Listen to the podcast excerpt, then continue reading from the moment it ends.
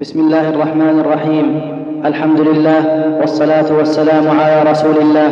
أيها الإخوة الكرام السلام عليكم ورحمة الله وبركاته. وبعد يسر تسجيلات التقوى الإسلامية بالرياض أن تقدم لكم رسالة العبودية لشيخ الإسلام ابن تيمية رحمه الله.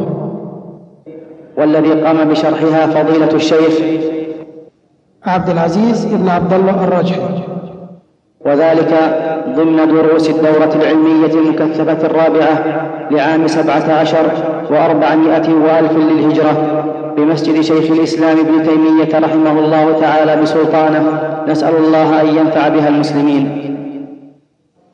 والآن مع الشريط الخامس. خبره. قل الله أنزله. الله أنزله. وهم يحتجون بهذه الآية لإثبات باطلهم مع أنهم لا يعترفون بالقرآن. نعم. وأما الاسم المفرد مظهرا أو مضمرا فليس بكلام تام ولا جملة مفيدة. لانهم تجاوزوا القرآن. لو كانوا يحتجون بالقرآن ما قسموا الناس هذه الأقسام. ولا زعموا أن هناك أن الخاصة فوق الأنبياء والمرسلين وأن وأن المرسلين من العامة. نعم. ولا يتعلق به إيمان وكفر ولا أمر ولا نهي. يعني الاسم المفرد الله أو هو. ما يتعلق به لا إيمان ولا كفر. ما في توحيد. التوحيد في الجملة التامة. لا إله إلا الله نفي وإثبات أما الله الله ما فيها توحيد. هو هو ما فيها توحيد ولا إيمان ولا ما كفر ولا إيمان ولا حق ولا باطل. ولا يزيد القلب إيمان ولا معرفة ولا, وليس فيه فائدة. ضياع أوقات. ضياع بل إنها كما سيبين المؤلف رحمه الله سبب في تصورات باطلة وسبب للوقوع في أنواع وفنون من الإلحاد والإتحاد. نعم. ولم ولم يذكر ذلك ولم يذكر ذلك أحد من سلف الأمة ولا شرع ذلك رسول الله صلى الله عليه وآله وسلم ولا ولا يعطي القلب بنفسه معرفة مفيدة ولا حالا نافعا وإنما يعطيه تصورا مطلقا لا يحكم عليه بنفي ولا إثبات فإن لم يقترن به من معرفة القلب وحاله ما يفيد بنفسه وإلا لم يمكن فيه فائدة وإلا لم يكن فيه فائدة. والشريعة إنما تشرع من الأذكار ما يفيد بنفسه لا ما تكون الفائدة حاصلة بغيره. وقد وقع, وقد وقع بعض من واظب على هذا الذكر في فنون من الإلحاد وأنواع من الاتحاد. يعني الصوفية يواظبون على هذا الذكر. يعني مستمر. يواظب يعني مستمر. وقد وقعوا لكنهم بسبب وقوع مواظبتهم على هذا الذكر وقعوا في فنون من الإلحاد. وفنون من الاتحاد نعوذ بالله. في فنون أنواع من الإلحاد وفنون من الاتحاد القول الاتحاد القول باتحاد الخالق مع المخلوق.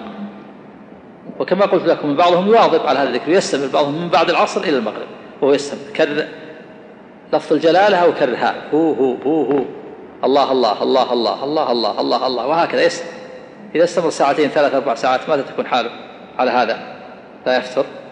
في الغالب أنه يغمى عليه. نعم. نسأل الله العافية. نعم. كما قد بسط في غير هذا الموضع وما يذكر عن بعض الشيوخ من أنه قال أخاف أن أموت بعد النفي والإثبات. أخاف أن أموت؟ أخاف أن أموت بين النفي والإثبات. نعم هذا بعض الشيوخ بعض الشيوخ الصوفية. لما قيل لماذا لا تقول لا إله إلا الله؟ قال أخاف إذا قلت لا إله أموت وأنا ما وصلت إلى الله. أخاف أموت بين النفي والإثبات. فيقول لا إله. فيكون فأكون مشرك. نفيت قلت لا إله. فيموت فيكون مشرك. يخاف كذا فأنا بدل ما أجيب كلمتين كلمة طويلة يكفي الله الله الله. وهذه يمكن وهذه ما يمكن يموت أيضا في أثناء الله أو في أثناء الهو المؤلف رحمه الله يرد عليهم يقول لو لو فرض أنه مات فالعبرة بنيته. ما يضر. إذا كان موحد ما يضر هذا. إذا مات بدون اختياره وهو موحد إنما الأعمال بالنيات. فهذا كله تعليل باطل. نعم لبعض الشيوخ. نعم. وما يذكر عن بعض الشيوخ من أنه قال أخاف أن أموت بين النفي والإثبات حال لا يقتدى فيها بصاحبها فإن في ذلك من الغلط ما لا خفاء به إذ لو مات العبد في هذه الحال لم يمت إلا, ما إلا على ما قصده ونواه إذ الأعمال بالنيات. وقد ثبت أن النبي صلى الله عليه وسلم أمر بتلقين الميت لا إله إلا الله وقال من كان آخر كلامه لا إله إلا الله دخل الجنة. ولو كان ما ذكره محذورا لم يلقن الميت كلمة يخاف يخاف أن يموت في أثنائها موتا غير محمود. يعني لو كان الذكر فيه محذور ما أمر النبي صلى الله عليه وسلم أن يلقن الميت. لأنه أيضا يخشى أن يكون الميت يموت في أثنائها فلو كان فيه محذور ما أمر به النبي فلما أمر به دل على أنه ليس فيه محذور. نعم. بل ما كان يلقن ما اختاره من ذكر الاسم المفرد والذكر بالاسم المضمر المفرد أبعد أبعد عن والذكر بالاسم. والذكر بالاسم المضمر المفرد. لا. والذكر بالاسم المفرد أو المضمر. يعني هذا وهذا. الذكر بالاسم المفرد الله. أو المضمر هو. أبعد عن السنة يعني بهذا أو بهذا. كل منهما باطل. بعيد عن السنة نعم. والذكر بالاسم المضمر أو المفرد أبعد عن السنة وأدخل في البدعة وأقرب إلى ضلال الشيطان فإن من قال ياهو ياهو. وأقرب إلى إضلال الشيطان كما في النسخة الثانية. وأقرب إلى إضلال الشيطان فإن من قال ياهو ياهو أو هو هو ونحو ذلك لم يكن الضمير عائدا إلا إلى ما يصوره قلبه والقلب نعم. الضمير فين يعود إلى ما يصوره قلبه وينحته فكره من من معبوده الذي يعبده نعم والقلب قد يهتدي وقد يضل وقد صنف صاحب الفصوص كتابا سماه كتاب الهو. صاحب الفصوص ابن عربي. ابن عربي محي الدين. محمد محمد بن عربي سماه كتاب, كتاب فصوص الحكم. فصوص الحكم ألف كتاب سماه كتاب الهو. نعم. وزعم بعضهم أن قوله وما يعلم تأويله إلا الله معناه وما يعلم تأويل هذا الاسم الذي هو الهو وإن كان هذا مما وما يعلم تأويل هو هو الضمير فسرها بقال ما يعلم تأويل هذا الاسم الذي هو الهو إلا الله. وتكون هو ضمير إلى الله يعود إلى الله. نعم.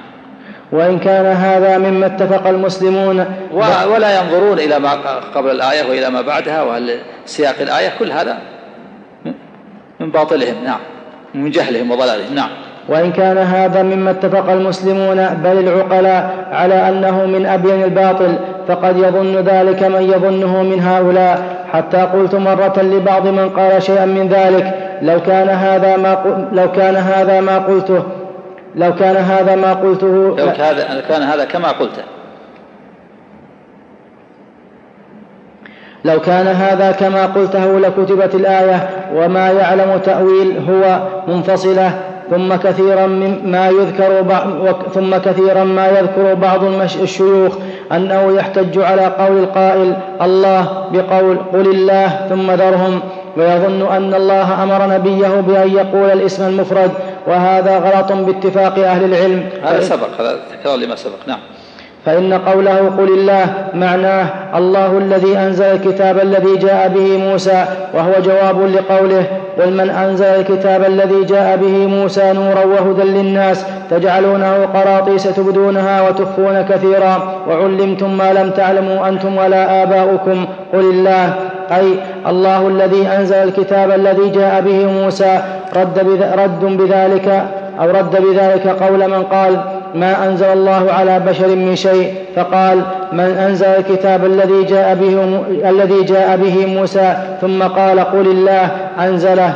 ثم ذر هؤلاء المكذبين في خوضهم يلعبون ومما يبين ما تقدم ما ذكره سيبويه وغيره من أئمة النحو أن العرب يحكون بالقول أن العرب يحكون بالقول ما كان كلاما لا يحكون به ما كان قولا. فالقول لا يحكى به إلا كلا فالقول لا يحكى به إلا كلام تام. يعني يبين المؤلف رحمه الله وهذا بحث لغوي سيبويه إمام النحاة وكذلك غيره يوافقون من أئمة النحو أن العرب يحكون بالقول ما كان كلاما لا يحكون به جملة كلمة واحدة.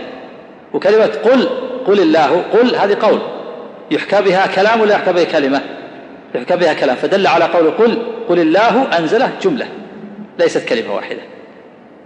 لأن السيبويه وأئمة النحو قرروا بأن العرب تحكي بالقول ما كان كلاما. لا تحكي بالقول كلمة واحدة.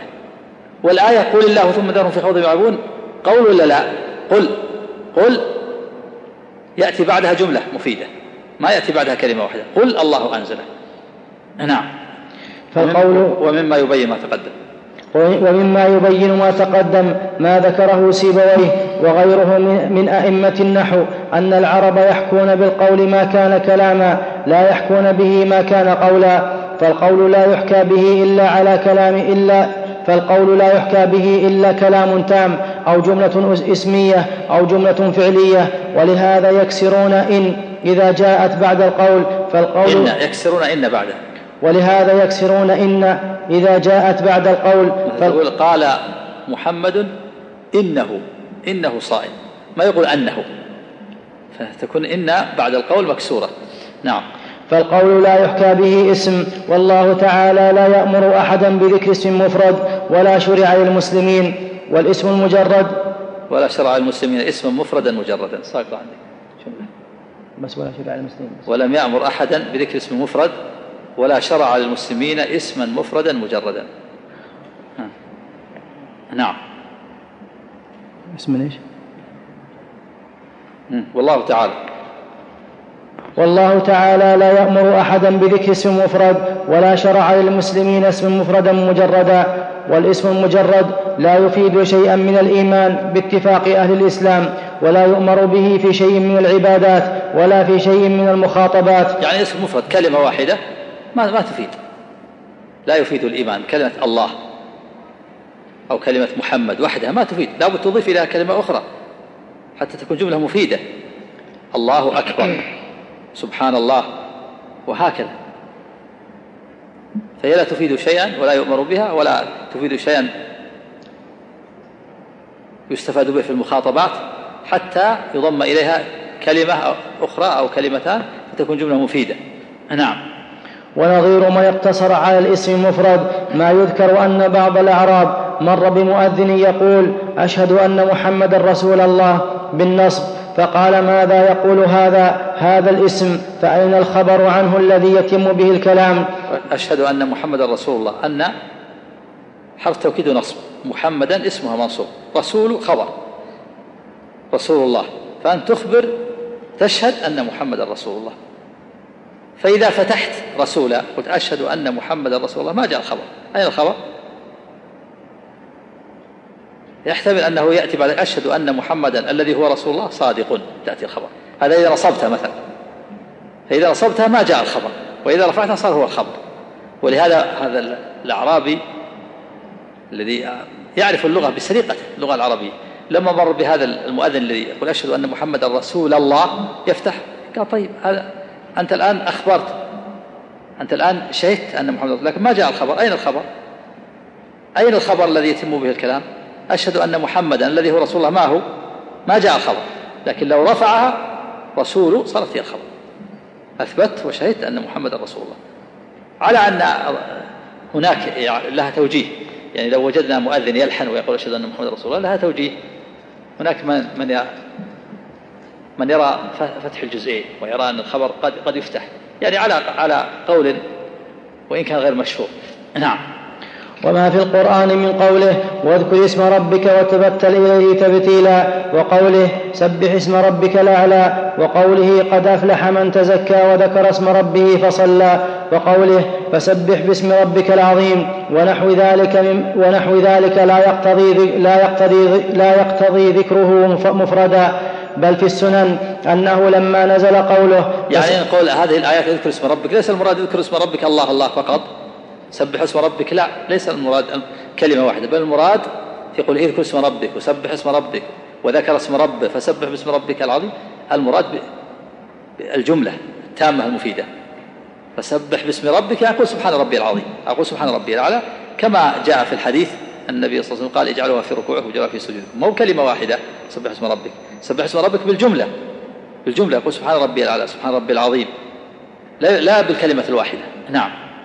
بل في السنن أنه لما نزل قوله فسبح باسم ربك العظيم قال اجعلوها في ركوعكم. ولما نزل قوله سبح اسم ربك الأعلى قال اجعلوها في سجودكم. وهي جملة مفيدة. ما بكلمة واحدة. نعم. فشرع لهم أن يقولوا في الركوع سبحان ربي العظيم وفي السجود سبحان ربي الأعلى وفي الصحيح أنه كان يقول في ركوعه سبحان ربي العظيم وفي, سجود وفي سجوده سبحان ربي الأعلى. وهذا هو معنى قوله اجعلوها في ركوعكم وسجودكم باتفاق المسلمين. فتسبيح اسم, فتسبيح اسم ربه فتسبيح اسم ربه الأعلى وذكر اسم ربه ونحو ذلك هو بالكلام التام المفيد كما في الصحيح عنه صلى الله عليه وآله وسلم أنه قال أفضل الكلام بعد القرآن أربع وهن من القرآن سبحان الله والحمد لله ولا إله إلا الله والله أكبر. وفي الصحيح كلها جمل مفيدة كلها جمل مفيدة. وقصد المؤلف من هذا رحمه الرد على الصوفية الذين يزعمون أن أن ذكر الخاصة كلمة واحدة وهي الله وذكر خاصة الخاصة حرف وهو هو. كل هذه النصوص كلها رد عليهم. سبحان الله والحمد لله ولا إله إلا الله. جمل مفيدة. يعني يسبح الله يسبح الله أحمد الله. الحمد لله. جملة مفيدة. سبحان الله. يعني يسبح الله تسبيحا. لا إله إلا الله الله أكبر. كلها جمل مفيدة. نعم. وفي الصحيح عنه صلى الله عليه وآله وسلم أنه قال كلمتان خفيفتان على اللسان ثقيلتان في الميزان حبيبتان إلى الرحمن سبحان الله وبحمده سبحان الله العظيم. المراد كلمتان يعني كل كلمة جمله مفيدة. والكلمة تطلق على الكلام المفيد. ولهذا يقال فلان ألقى كلمة يعني وهي خطبة. نعم. وفي الصحيحين عنه صلى الله عليه وآله وسلم أنه قال من قال في يومه مئة مرة لا إله إلا الله وحده لا شريك له له الملك وله الحمد وهو على كل شيء قدير كتب الله له حرزا من الشيطان يومه ذلك حتى يمسي ولم يأت أحد بأفضل مما جاء به إلا رجل قال مثل ما قال أو زاد عليه. هذا الحديث الصحيحين كما ذكر المؤلف لأن لكن له تكملة.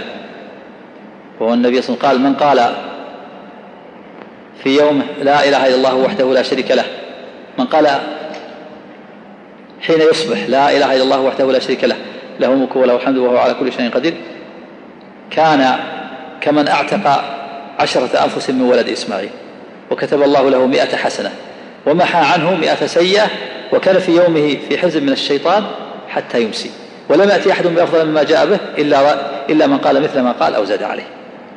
فكأن يعني بقية الحديث اختصره المؤلف أو نعم. ومن قال في يومه مئة مرة سبحان الله وبحمده سبحان الله العظيم حطت عنه خطاياه ولو كانت مثل زبد البحر. نعم. وفي الم... كل هذه كلها جمل مفيدة سبحان الله وبحمده سبحان الله العظيم. والحديث الآخر من قال لا إله إلا الله وحده ولا شريك له له ملك وله الحمد له ملك وله الحمد وهو على كل شيء قدير. عشر مرات كان كمن أعتق أربعة أنفس من ولد إسماعيل. وإذا قال مئة كان كمن أعتق عشرة. مع كتابة مع أنه يكتب له مئة حسنة ويمحى عنه مئة سيئة وكان في ويكون في يوم في حزب الشيطان نعم. وفي الموطأ وغيره عن النبي صلى الله عليه وآله وسلم أنه قال أفضل ما قلته أنا والنبيون من قبلي لا إله إلا الله وحده لا شريك له له الملك وله الحمد وهو على كل شيء قدير.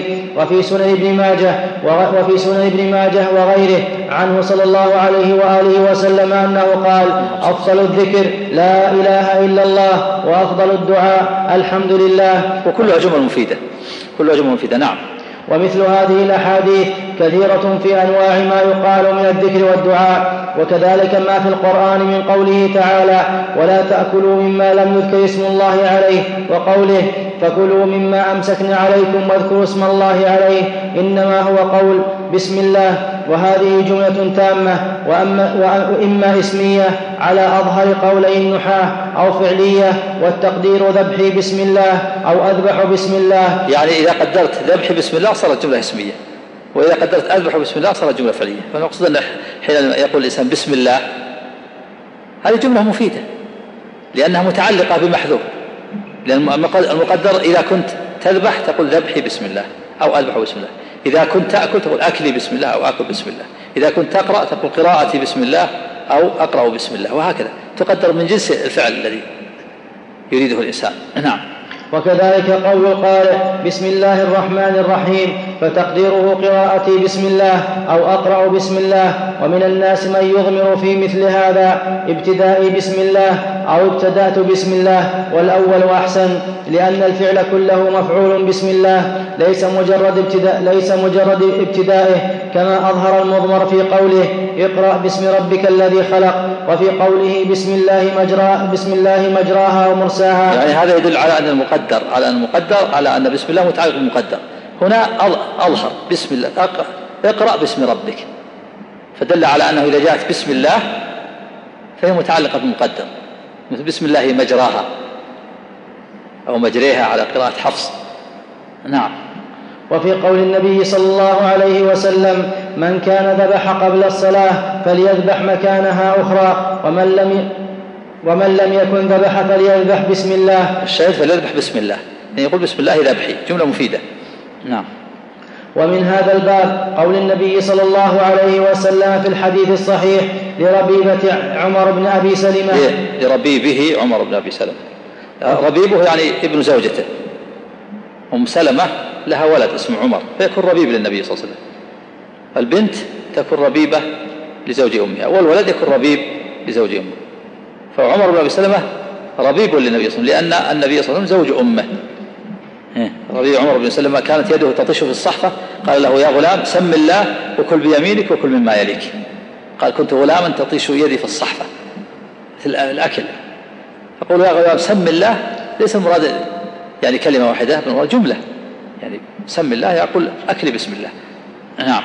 ومن هذا الباب قول النبي صلى الله عليه وسلم في الحديث الصحيح لربيبه عمر بن أبي سلمة يا غلام سم الله وكل بيمينك وكل مما يليك فالمراد أن يقول بسم الله ليس المراد أن يذكر الاسم مجردا. وكذلك قوله في الحديث الصحيح لعدي بن حاتم إذا أرسلت كلبك المعلم وذكرت اسم الله فكل. وكذلك قوله صلى الله عليه وآله وسلم إذا دخل الرجل منزله فذكر اسم الله فذكر اسم الله عند دخوله وعند خروجه وعند طعامه. قال الشيطان لا مبيت لكم ولا عشاء. وذكرت اسم الله يقول حينما يقول بسم الله. يعني أرسله بسم الله. جملة مفيدة. وكذلك الإنسان عند دخوله وخروجه. نعم. وأمثال ذلك كثير وكذلك ما شرع للمسلمين في صلاتهم وأذانهم وحجهم وأعيادهم من ذكر الله تعالى إنما هو بالجملة التامة كقول المؤذن الله أكبر الله أكبر أشهد أن لا إله إلا الله أشهد أن محمدا رسول الله. كلها جمل مفيدة هذه نعم. وقول المصلي الله أكبر سبحان ربي العظيم سبحان ربي الأعلى سمع الله لمن حمده ربنا ولك الحمد. التحيات لله. كلها كلها جمل مفيدة نعم. وقول الملبي لبيك اللهم لبيك وأمثال ذلك. فجميع ما شرعه الله من الذكر إنما هو كلام تام لا اسم مفرد لا مظهر ولا مضمر. لا اسم لا مظهر مثل قول الله للصوفية أو مضمر مثل هو. نعم. وهذا هو الذي يسمى في اللغة كلمة يعني, يعني اللي يسمى في اللغة كلمة هو الكلام التام. ليس المراد كلمة واحدة مفردة؟ يسمى في اللغة كلمة إذا قيل فلان تكلم بكلمة أو قال كلمة المراد جمل جمل مفيدة قد تكون جملة واحدة أو عدة جمل. نعم. كقوله كلمتان خفيفتان على اللسان ثقيلتان في الميزان حبيبتان إلى الرحمن. وهما سبحان الله وبحمده سبحان الله العظيم. يسمىهما كلمتان مع أنهما جملتان. فالكلمة تطلق على الجملة. نعم. سبحان الله وبحمده سبحان الله العظيم وقوله أفضل كلمة قالها الشاعر كلمة لبيد ألا كل شيء ما خلا الله باطل؟ سمع كلمة وهي شطر بيت. ألا كل شيء ما خلا الله باطل؟ هذا أصدق كلمة. يعني أصدق كلام قاله يعني البشر ألا كل شيء ما خلا يعني بعد الرسل ألا كل شيء ما خلا الله باطل؟ يعني كل شيء سوى الله فهو باطل. كل شيء لا يراد به وجه الله فهو هذا حق. لكن بقية الشطر الثاني وكل نعيم لا محالة زائل ولهذا يروى أنه لما قال ألا كل شيء ما خلا الله باطل؟ قيل له صدقت. فأتى بالشطر الثاني وقال وكل نعيم لا محالة زائل؟ وقيل له كذبت. فإن نعيم الجنة لا يزول. فالشطر الأول هو الصحيح. صحيح. أصلا أما الشطر الثاني ما هو بصحيح. كل نعيم لا محالة زائل. بقية البيت. نعم. ومنه قوله تعالى كبرت كلمة تخرج من أفواههم. الآية. وهذه الكلمة التي قالوا قالوا إن الله له ولد وهي جملة مفيدة فسماها كلمة فقال كبرت كلمة تخرج من أفواههم. نعم. وقوله وتمت كلمة ربك صدقا وعدلا وأمثال ذلك مما استعمل, مما استعمل فيه لفظ الكلمة من الكتاب والسنة بل وسائر كلام العرب فإنما يراد به الجملة التامة كما كانوا يستعملون الحرف في الاسم فيقولون هذا حرف فهذا حرف غريب أي لفظ الاسم غريب. وقسم سيبويه الكلام إلى اسم وفعل وحرف جاء لمعنى ليس باسم ولا فعل وكل من, وكل من هذه الأقسام يسمى حرفا. يعني كل يسمى حرف الاسم يسمى حرف وفعل يسمى حرف والحرف أيضا يسمى حرف.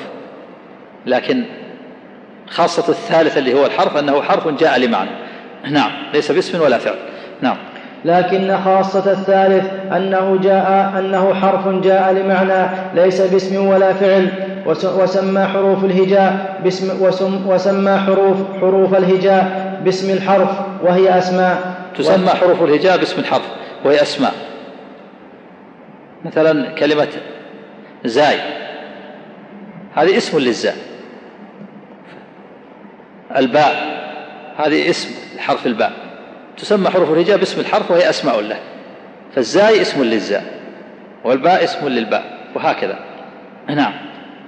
ولفظ الحرف يتناول هذه الأسماء وغيرها أسماء. ولفظ الحرف يتناول هذه الأسماء وغيرها كما قال النبي صلى الله عليه وسلم من قرأ القرآن فأعربه فله بكل حرف عشر حسنات أما إني لا أقول ألف لام ميم حرف ولكن ألف حرف ولام حرف وميم حرف. وقد سأل حديث رواه الترمذي بلفظ من قرأ حرفا من كتاب الله فله به حسنة. نعم.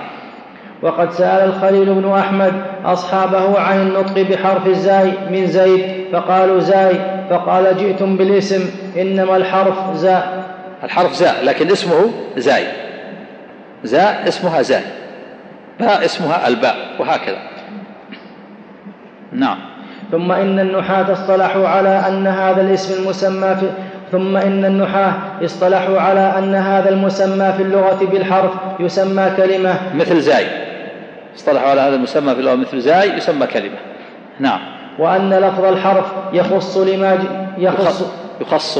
يخص لما جاء لمعنى ليس باسم ولا فعل كحروف الجر ونحوها. وأما ألفاظ حروف الهجاء فيعبر تارة بالحرف عن نفس الحرف من اللفظ وتارة باسم ذلك الحرف. يعبر تارة بالحرف مثل باء للباء وتارة باسم ذلك الحرف مثل زاي للزاء.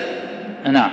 ولما غلب هذا الاصطلاح صار يتوهم من اعتاده أنه هكذا في لغة العرب ومنهم من يجعل لفظ الكلمة في اللغة لفظا مشتركا بين الاسم بين الاسم مثلا وبين الجملة ولا يعرف في صريح اللغة من لفظ الكلمة إلا الجملة التامة. يعني في اللغة العربية كلمة لفظ كلمة تطلق على الجملة التامة. ومقصود المؤلف رحمه الله من هذا الكم الهائل من النصوص الرد على الصوفية. الذين يقولون إن ذكر الخاصة الله وذكر الخاصة هو. كل هذه النصوص الكثيرة التي ساقها المؤلف يرد بها عليهم. يبين أن الكلمة الواحدة والحرف الواحد لا يعطي القلب إيمان ولا معرفة ولا توحيد ولا إيمان ولا كفر وليس مشروعا. هذا يدل على أنهم من أبعد الصوفية من أبعد الناس عن الكتاب والسنة. نعم. والمقصود هنا أن المشروع في ذكر الله سبحانه هو ذكره بجملة تامة وهو المسمى بالكلام والواحد منه بالكلمة. مثل سبحان الله جملة تامة الحمد لله جملة تامة الله أكبر جملة تامة لا إله إلا الله جملة تامة. وهكذا. رب اغفر لي رب ارحمني جملة تامة. يا أرحم الراحمين ارحمني. وهكذا. يا غفار اغفر لي. يا مقلب قلوب ثبت قلبي على هذه جمل. أما هو هو هذه ما تفي. الله الله الله كل ما ما تفي. لا إيمان ولا كفر. ليس جملة تامة وليس لها معنى. حتى يضم إليها غيرها. تكون جملة مفيدة. نعم. وهو الذي ينفع القلوب ويحصل به الثواب والأجر ويجذب القلوب إلى الله ومعرفته ومحبته وخشيته وغير ذلك من المطالب العالية والمقاصد السامية. وأما الاقتصار على الاسم المفرد مظهرا أو مضمرا فلا أصل له. مضمرا مظهرا مثل الله وهو ذكر الخاصة عند الصوفية. أو مضمرا مثل هو وحرف الهاء وهو ذكر خاصة الخاص. الاقتصار على هذا أو على هذا لا أصل له لا أصل له في الشريعة. إذا هؤلاء خرجوا عن ما تدل عليه الشريعة. الصوفية ما يعملون بالشريعة. لأنهم قسموا الناس إلى ثلاث مراتب وجعلوا المرتبة الخاصة تجاوزت الشريعة. خاصة وخاصة الخاصة تجاوزوا الشريعة. الشريعة لمن؟ للعامة الطبقة الأولى. والطبقة الثانية والثالثة تجاوزوا الشريعة. ولهذا جعلوا لهم أذكار تجاوزت الشريعة. الله الذكر الخاصة هو ذكر خاصة الخاصة. أما العامة لا إله إلا الله هذه أذكارهم. سبحان الله. سموهم عامة. والأنبياء والمرسلون عامة. يقول شيخ الإسلام رحمه الله في موضع آخر إذا كان هذا ذكر العامة والأنبياء والمرسلون منهم هنيئا للعامة هذا الذكر هنيئا لهم نهنيهم لأن العامة ذكرهم هو ذكر الأنبياء والمرسلين. نعم. فلا أصل له فضلا عن, فضلا عن أن يكون من ذكر الخاصة والعارفين بل هو وسيلة إلى أنواع من البدع والضلالات وذريعة إلى تصورات وأحوال فاسدة من أحوال أهل الإلحاد وأهل الاتحاد. يعني هذا الذكر وهو الذكر بالكلمة الواحد الله أو هو فضلا عن كونه لا أصل له في الشريعة ولا يعطي القلب إيمان ولا معرفة ولا توحيد بل فإنه وسيلة شر. ووسيلة إلى كثير من أنواع البدع والضلالات. وسيلة إلى تصورات فاسدة. وسيلة إلى الوقوع في الإلحاد والانحراف. ووسيلة إلى الوقوع في القول بوحدة الوجود. والعياذ بالله. وأن الوجود واحد. لا خالق ولا مخلوق. وسيلة. هذا الذكر وسيلة إليه. نعوذ بالله. فالواجب الحذر والتحذير من هذه الأذكار الباطلة. والالتزام بما شرع الله في كتابه وعلى لسان رسوله صلى الله عليه وسلم من الأذكار الصحيحة بالجمل المفيدة. نعم. كما قد بسط الكلام عليه في غير هذا الموضع فصل وجماع الدين أصلان ألا نعبد إلا الله ولا نعبده إلا بما شرع. وهذا الأصلان هما هما هما اللذان قام عليهما الدين؟ الدين قام على هذين الأصلين ما أساس الدين وأساس الملة. ألا يعبد إلا الله هذا معناه أن توجه جميع إراداتك لله عز وجل. فتتقرب بما تتعبد به إلى الله لله عز وجل. لا يكون لغير الله شريك في ذلك. وهذا هو تحقيق شهادة أن لا إله إلا الله.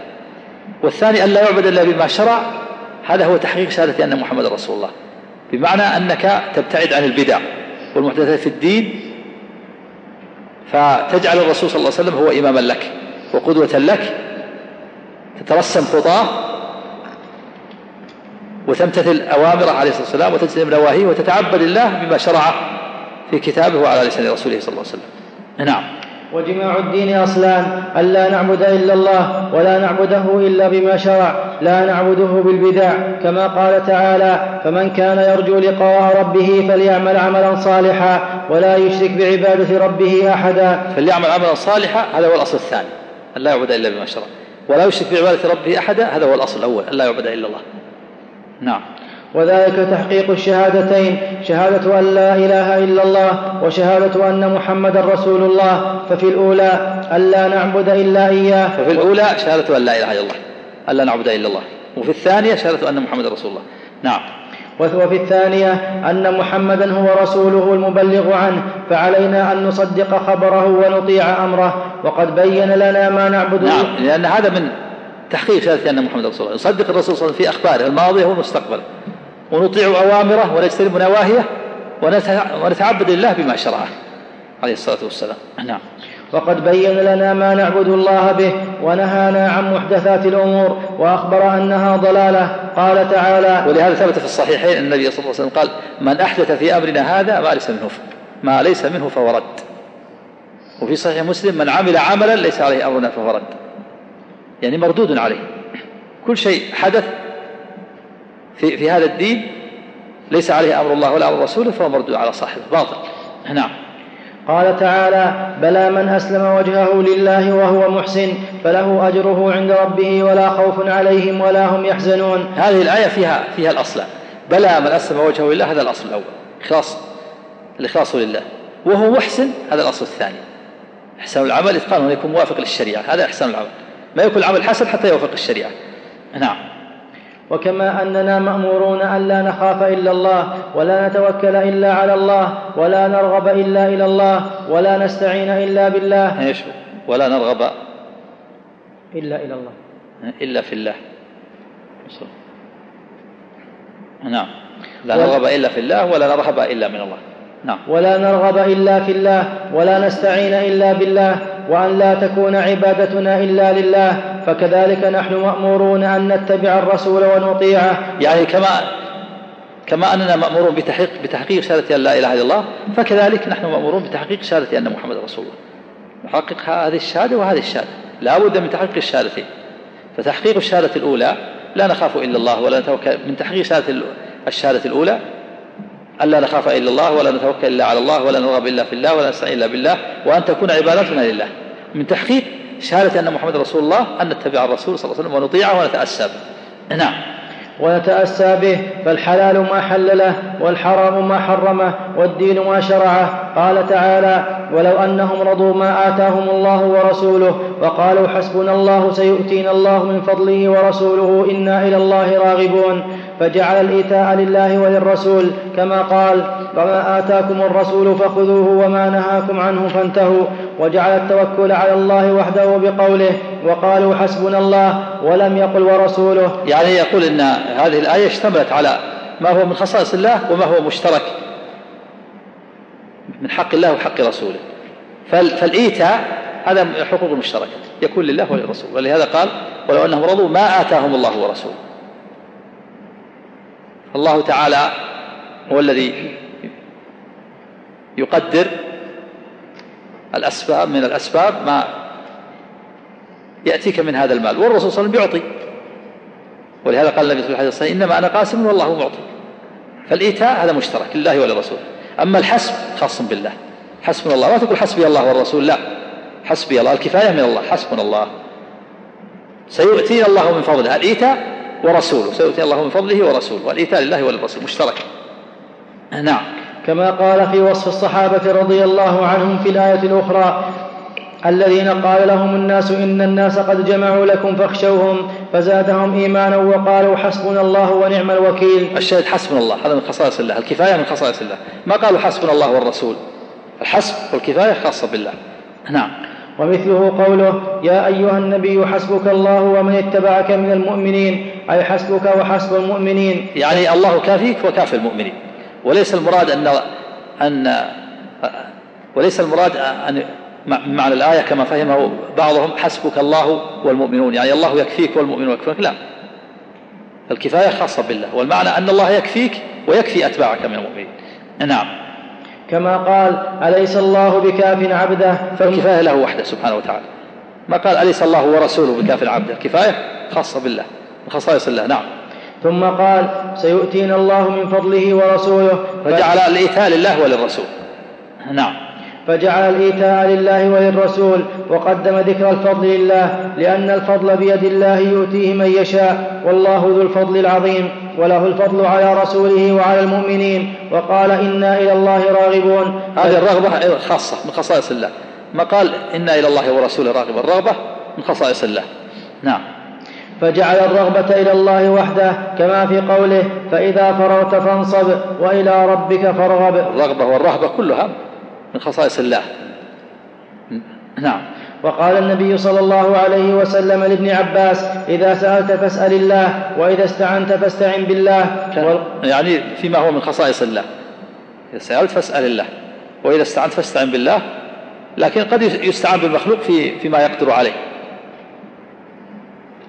فتقول يا فلان المخلوق الحي القادر الحاضر يا فلان أعني ساعدني على كذا أقرضني مالا. ساعدني على إصلاح سيارتي أو مزرعتي لكن الميت والغائب لا لا يستعان به. وكذلك الحي غير القادر. نعم. والقرآن يدل على مثل هذا في غير موضع فجعل العبادة والخشية والتقوى لله وجعل كلها من خصائص الله العبادة. ما يعبد الرسول ولا غيره والخشية ما يخشى إلا الله والتقوى ما تكون للرسول خاصة بالله. نعم. وجعل الطاعة والمحبة لله ورسوله. هذه مشتركة الطاعة لله وللرسول تطيع الله وتطيع الرسول والمحبة لله وللرسول. وإن كانت طاعة الرسول ومحبة الرسول تابعة لطاعة الله ومحبته. نعم. كما في قول نوح عليه السلام أن اعبدوا الله واتقوه وأطيعون. فجعل العبادة والتقوى لله والطاعة لنوح عليه الصلاة والسلام. نعم. وقوله ومن يطع الله ورسوله ويخشى الله ويتقه فأولئك هم الفائزون. فجعل الطاعة لله وللرسول وجعل الخشية والتقوى من خصائصه سبحانه. نعم. وأمثال ذلك فالرسل أمروا بعبادته وحده فالرسل أمروا بعبادته وحده والرغبة إليه والتوكل عليه وطاعته والطاعة لهم. نعم. هكذا الرسل أمروا بعبادة الله وحده من خصائصه. العبادة من خصائص الله. لا يعبد إلا الله. والرغبة من خصائص الله. والتوكل من خصائص أما الطاعة تكون لله وللرسول. نعم. فأضل الشيطان النصارى وأشباههم فأشركوا بالله وعصوا الرسول فاتخذوا أحبارهم ورهبانهم أربابا من دون الله والمسيح ابن مريم فجعلوا يرغبون إليهم ويتوكلون عليهم ويسألونهم مع معصيتهم لأمرهم. مع أن هذه من خصائص الله. جعلوا يرغبون إليهم ويتوكلون من بأحبارهم ورهبانهم. صرفوا لهم حق الله. نعم. ومخالفتهم لسنتهم وهدى الله المؤمنين المخلصين لله أهل الصراط المستقيم الذين عرفوا الحق واتبعوه فلم يكونوا من المغضوب عليهم ولا الضالين فأخلصوا دينهم لله وأسلموا وجوههم لله وأنابوا إلى ربهم وأحبوه ورجوه وخافوه وسألوه ورغبوا إليه وفوضوا أمورهم إليه وتوكلوا عليه وأطاعوا رسله. هذه هذه طريقة هذه طريقة المنعم عليهم الموفقين. يخصون الله تعالى بالعبادة والتوحيد والرجاء والرغبة وتفويض الأمور والتوكل والرسل له عليهم السلام لهم الطاعة يطيعون الله ويطيعون الرسول ولهم التعزير والتوقير والمحبة والاتباع واقتفاء آثارهم. نعم. وعزروهم ووقروهم وأحبوهم ووالوهم واتبعوهم واقتفوا آثارهم واهتدوا بمنارهم. عزروهم نصروهم تعزير تأدبوا معهم نعم.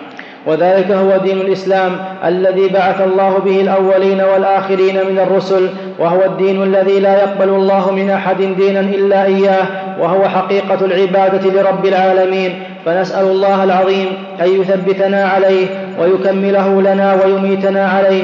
وسائر إخواننا المسلمين والحمد لله وحده وصلى الله على سيدنا محمد وآله وصحبه وسلم. اللهم صل وسلم. وفق الله الجميع لطاعته ورزق الله جميع العلم النافع والعمل الصالح. صلى الله على محمد وآله وصحبه.